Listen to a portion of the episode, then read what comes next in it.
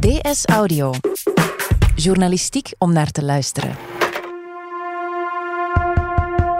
De grootste humanitaire crisis sinds het begin van de oorlog in Syrië is nu bezig. President Assad probeert de provincie Idlib terug in handen te krijgen.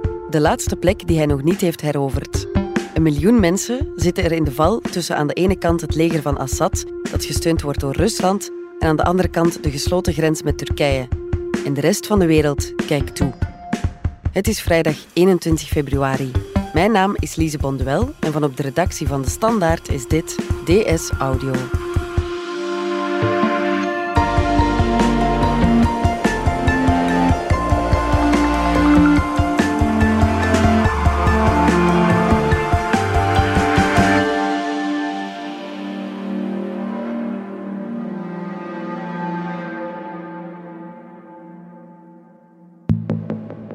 Weekbladjournalist Casper Goedhals en chef buitenland Koen Vidal. Ik had eerlijk gezegd de laatste tijd het gevoel dat de storm wat was gaan liggen in Syrië. Of dat idee krijg je toch? Dat klopt gedeeltelijk, maar ja, er zijn doorheen de jaren inderdaad heel veel steden veroverd en, en gebied veroverd door Assad. Maar heel veel opposanten die zijn dan steeds gevlucht van de ene plek naar de andere. Ja. En die zijn eigenlijk allemaal in die provincie Idlib terechtgekomen. Vandaar dat daar nu momenteel zoveel mensen zitten. Dat zijn drie miljoen mensen, waarvan vele al eh, verschillende keren op de loop zijn gegaan. En kunnen ze daar weg? Nee, het antwoord is nee. Ehm, ze komen steeds meer geplet tussen dat oprukkende leger en de Turkse grens. Ja. Turkije wil hen niet eh, binnenlaten, omdat Turkije heeft 3 miljoen en half mensen eh, opgenomen uit Syrië. Dat is heel veel en voor president Erdogan is dat ook een politiek issue.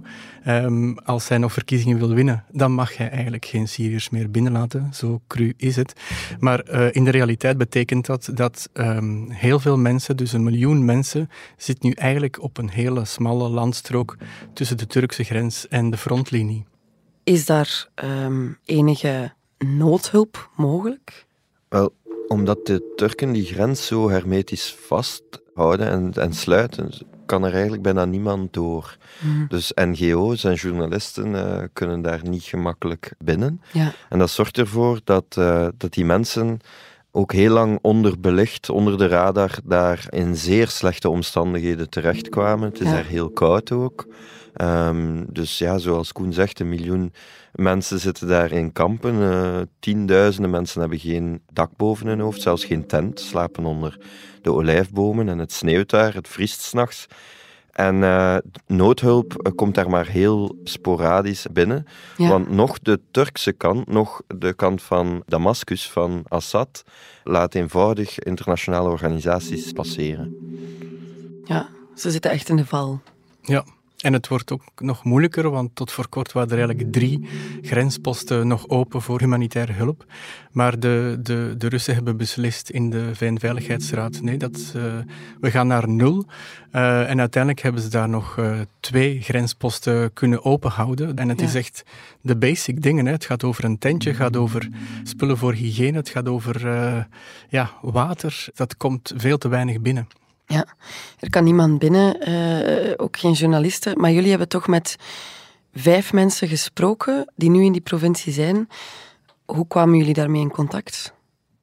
Wel, dat is eigenlijk begonnen met iemand die Koen al eh, langer kent.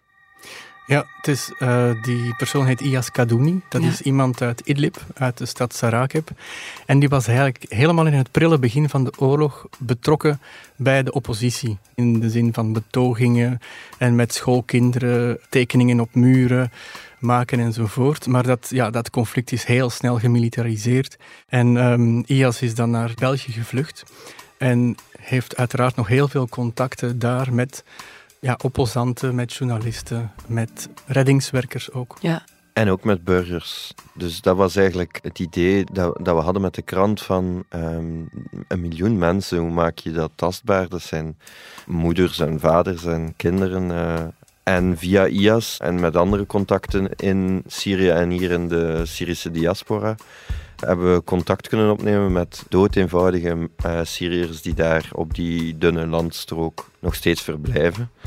Dus ik ben eh, vorige week bij IAS thuis in zijn huisje in Gent samen met hem gesprekken gaan voeren met verschillende mensen daar in Syrië. That's the problem, always like communication. We hebben daar uren gezeten. Because there is no like uh, internet connection like here, no. There's no 4G No, no, no. Dat was wel een uh, beklijvende ervaring, omdat daar ehm, mensen hebben daar zonder filter uh, verteld over hoe de situatie daar is op dit moment in het noorden van Syrië.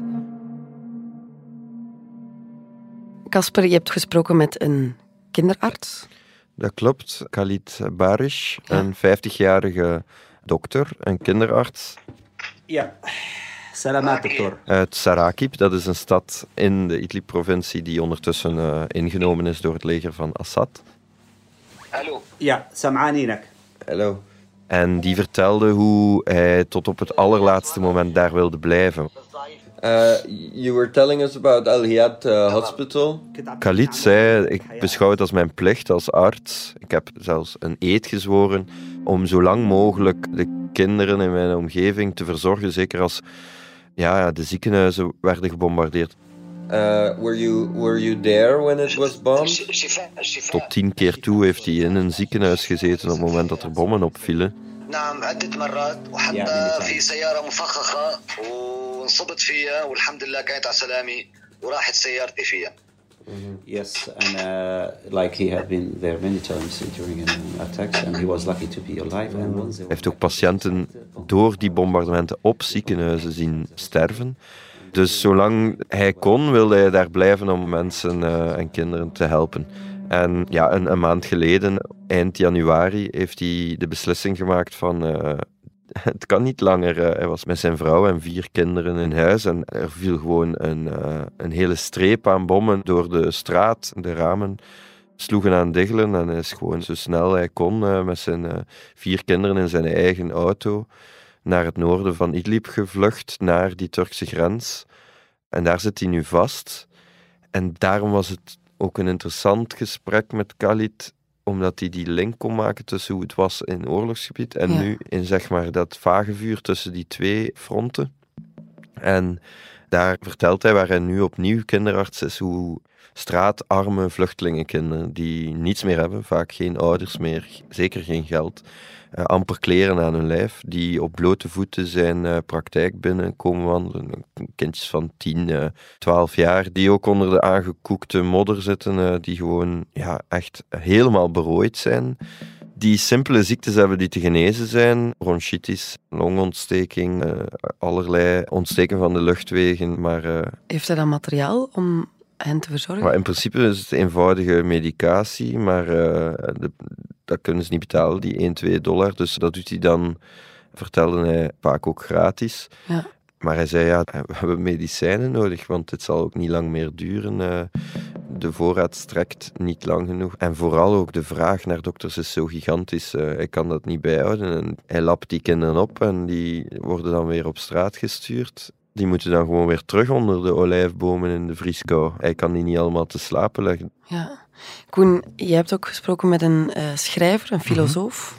Ja, met Maher Daboul. Ja. Maher is iemand die ehm, overdag zijn uiterste best doet om die vele vluchtelingen te helpen. Door hen een, een zeiltje aan te bieden, voor, om een tent te maken, om hen naar een appartement te helpen waar nog één of twee plekjes vrij zijn. Dus overdag is hij voortdurend in de weer met mensen te helpen. Hij is zelf ook ontheemde, hij is zelf ook vluchteling. Ja. En als hij daarmee klaar is, dan begint hij te schrijven.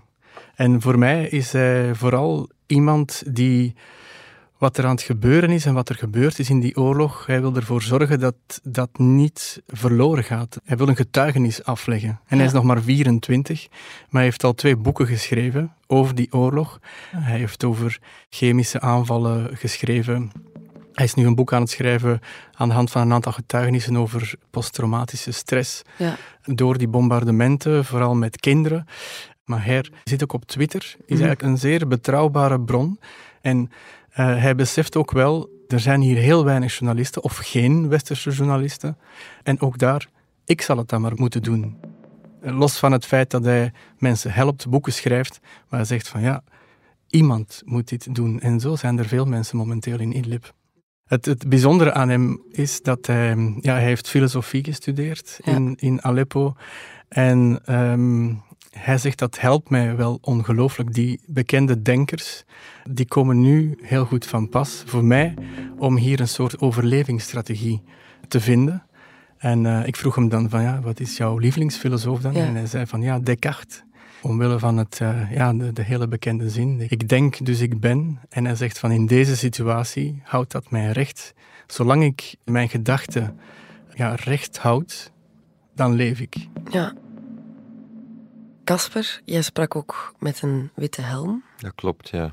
Met uh, Light Abdullah. Mm Dat is een, een dertiger, een man die uh, al sinds 2013 bij de White Helmets, uh, de Witte Helmen, uh, actief is. Dat is een burgerorganisatie die zich bezighoudt met het redden van mensen onder het puin in bombardementen. Zeer bekend ook voor hun, hun humanitair werk in, in Aleppo. Mm -hmm. En die man, terwijl ik hem sprak, met een videoverbinding, hoorde ik de hele tijd straaljagers, het grommel van als je dat ooit al eens gehoord hebt, een bom die valt, dan iedere keer als je dat op televisie terug hoort, dan weet je hoe dreigend dat is. Dat is zo'n een, een, dof geluid. En dat hoorde je de hele tijd tijdens dat gesprek. Dus die zat aan de frontlijn, op 11 kilometer van Saraka. En die um, rukt iedere dag uit met een team van dokters en, uh, en paramedici, zoals hij zelf is, om te proberen daar uh, mensen te redden van onder het puin. Mm -hmm. Maar dat is een levensgevaarlijke uh, opdracht, want de Witte Helmen doen behalve reddingswerken ook eigenlijk een vorm van directe berichtgeving, omdat ze beelden maken van, uh, van wat ze zien, wat natuurlijk uh, niet fijn is voor een leger dat daar bommen uh, laat vallen, ja. want dat kan gelden als bewijs enzovoort. Dus de reactie van Assad en Poetin is eigenlijk tweeledig. Aan de ene kant voeren ze een propagandaoorlog, zeggen ze dat de Witte Helmen een, dat ze eigenlijk terroristen zijn en ze proberen de White Helmets als terroristen ook aan te vallen. Dus ja. die zijn een doelwit voor luchtbombardementen omdat ze uh, mensen proberen te helpen. Is there a lot of bombing there right now, daily, mm -hmm. hourly? المنطقة اللي نحن فيها حاليا تعتبر هي قريبة على خط على خطوط تعتبر مقاصد بشكل يومي. Where is right now, it's like an area which is almost like fire line. Yeah, so and this area it's في في عمليه اخلاء هلا There is pumping and uh, yeah and, and shelling every day, every hour for this area, and they are trying like to uh, to help all the people to to leave the city. Mm. En dus ik vroeg hem van ja, hoe, hoe blijft een mens bij zinnen? En hij zei ja, ik luister naar oude Syrische klassieke muziek. Ah, well, he said like whenever he has free time, he's listening for Ayani music. En ik probeer met mijn familie te bellen. Hij had hen, toen ik hem sprak, al twee dagen niet gezien, maar wel uh, nog gehoord. Do you miss your family a lot? Is it difficult to to to be بقول لك مشتاق لعائلتك يعني كثير صعب عليك انه انت بعيد عنهم؟ امم والله انا اكثر شيء بشتاق لبنتي الصغيره He's missing his small daughter. Mm. How old is she? ايش قد عمرها؟ عمرها سنتين. Two years. En zijn vrouw had hem verteld dat zijn uh, dochtertje van twee nog iedere ochtend opstaat en zegt Baba, baba, waar, ja. waar is papa? Dus uh, hij zei van, ja, kunt u niet voorstellen hoe, hoe, goed het voelt om zoiets nog te horen van uw vrouw. Ja. En um, zijn familie zit 250 kilometer ten noorden van hem, dus uh, ook aan die grens. En hij wil de mensen die achterblijven beschermen, want dat is natuurlijk, ja, misschien als het enigszins mogelijk is, nog uh, verschrikkelijker. Zijn er ook mensen die er niet in slagen om op tijd naar dat veilige strookje land te gaan heel arme mensen, oude ja. mensen, kwetsbare gevallen. Ja. En wat is zijn plan?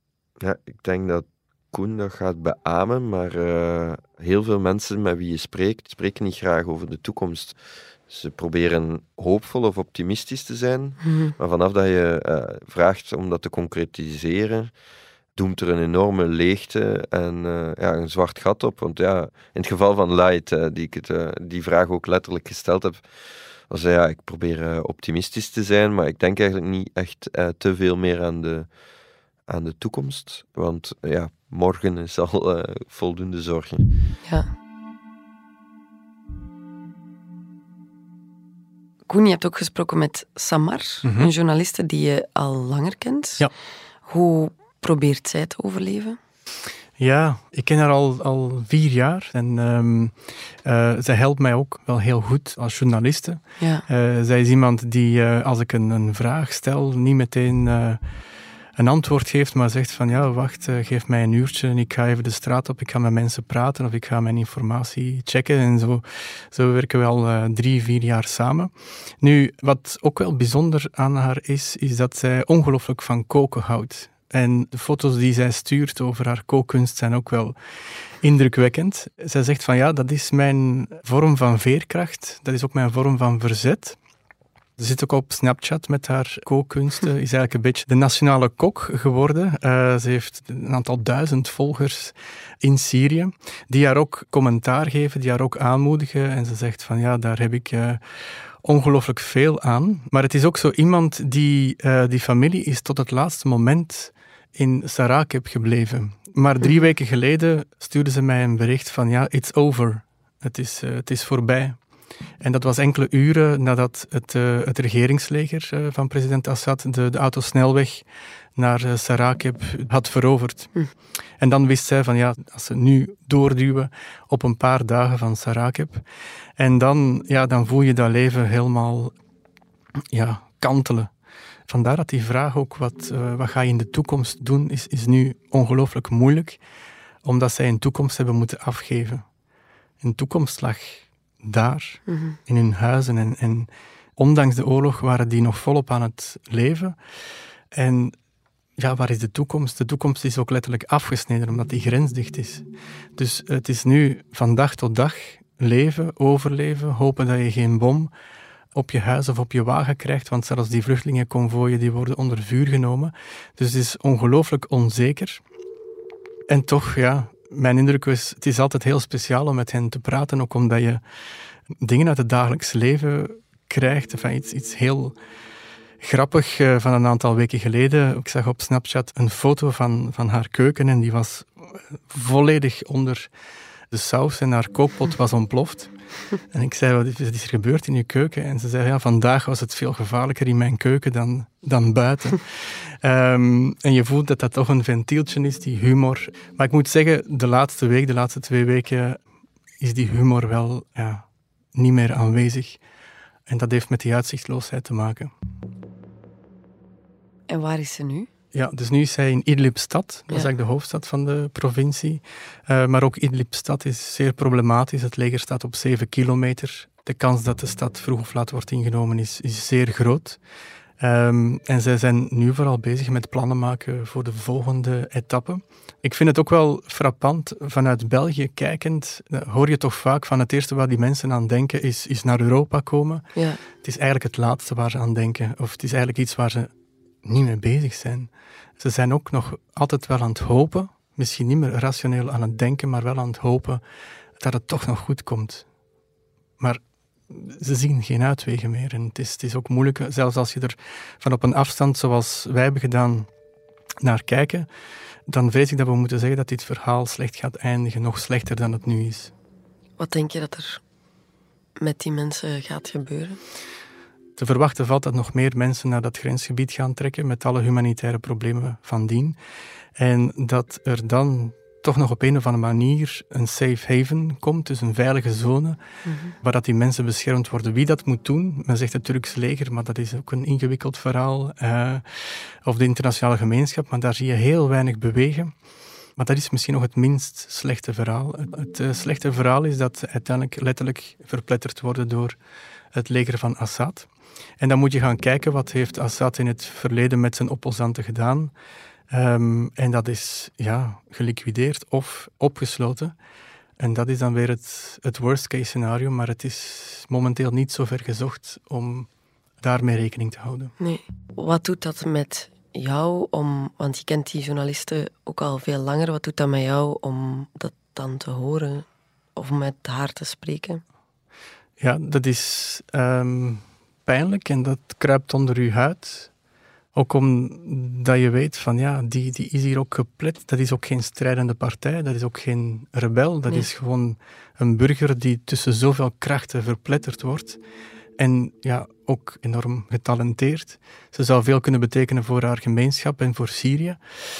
En vooral dat angstaanjagende scenario, ja, dat maakt mij ook heel ongerust. Ja. Tegelijkertijd ben ik blij dat ik er nu over kan praten, dat ik er in de krant over kan schrijven. Dus dat is voor mij een, een belangrijke uitlaatklep. Ja. En het is goed dat we daar uh, veel aandacht aan kunnen besteden.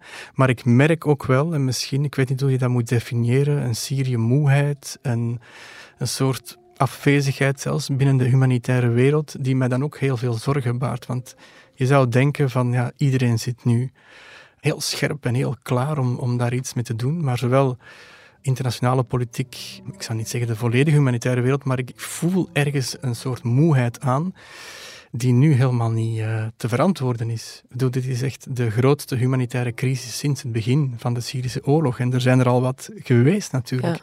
Maar één miljoen mensen die in een ontheemde, in een vluchtelingensituatie terechtkomt, en dan nog een heel slechte vluchtelingensituatie.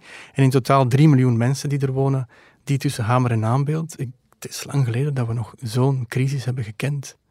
Is er iets wat wij voor die mensen kunnen doen?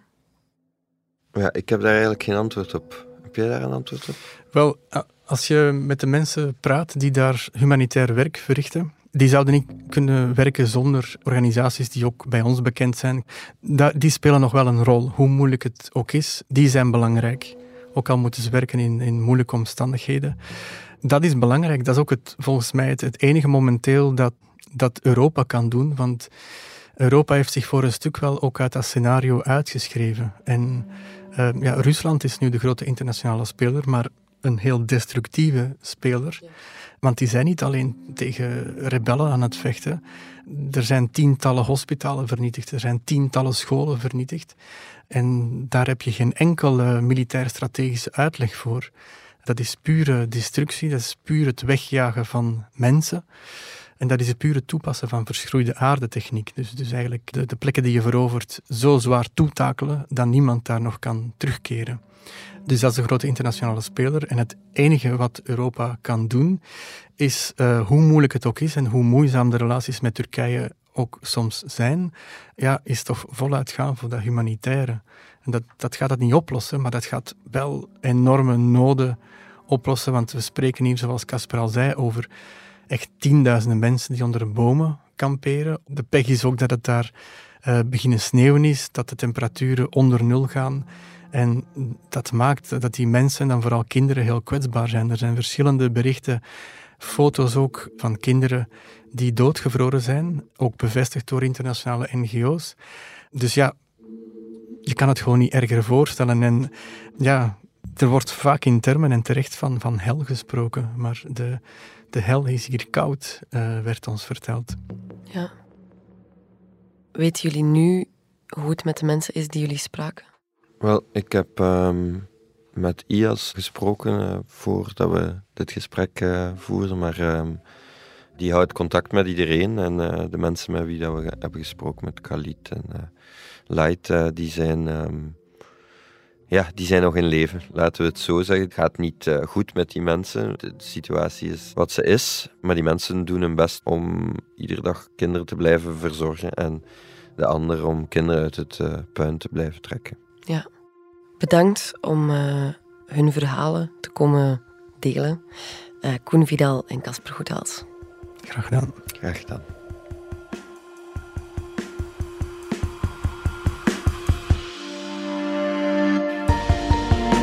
Dit was DS Audio. Wil je reageren? Dat kan via dsaudio.standaard.be. In deze aflevering hoorde je Casper Goedhaals, Koen Vidal en mezelf, Lise Bonduel deed ook de redactie. De eindredactie gebeurde door Anna Korterink. Joris van Damme deed de audioproductie. Brecht Plasgaard schreef de muziek die je hoorde in deze podcast. Chef audio is Wouter van Driessen.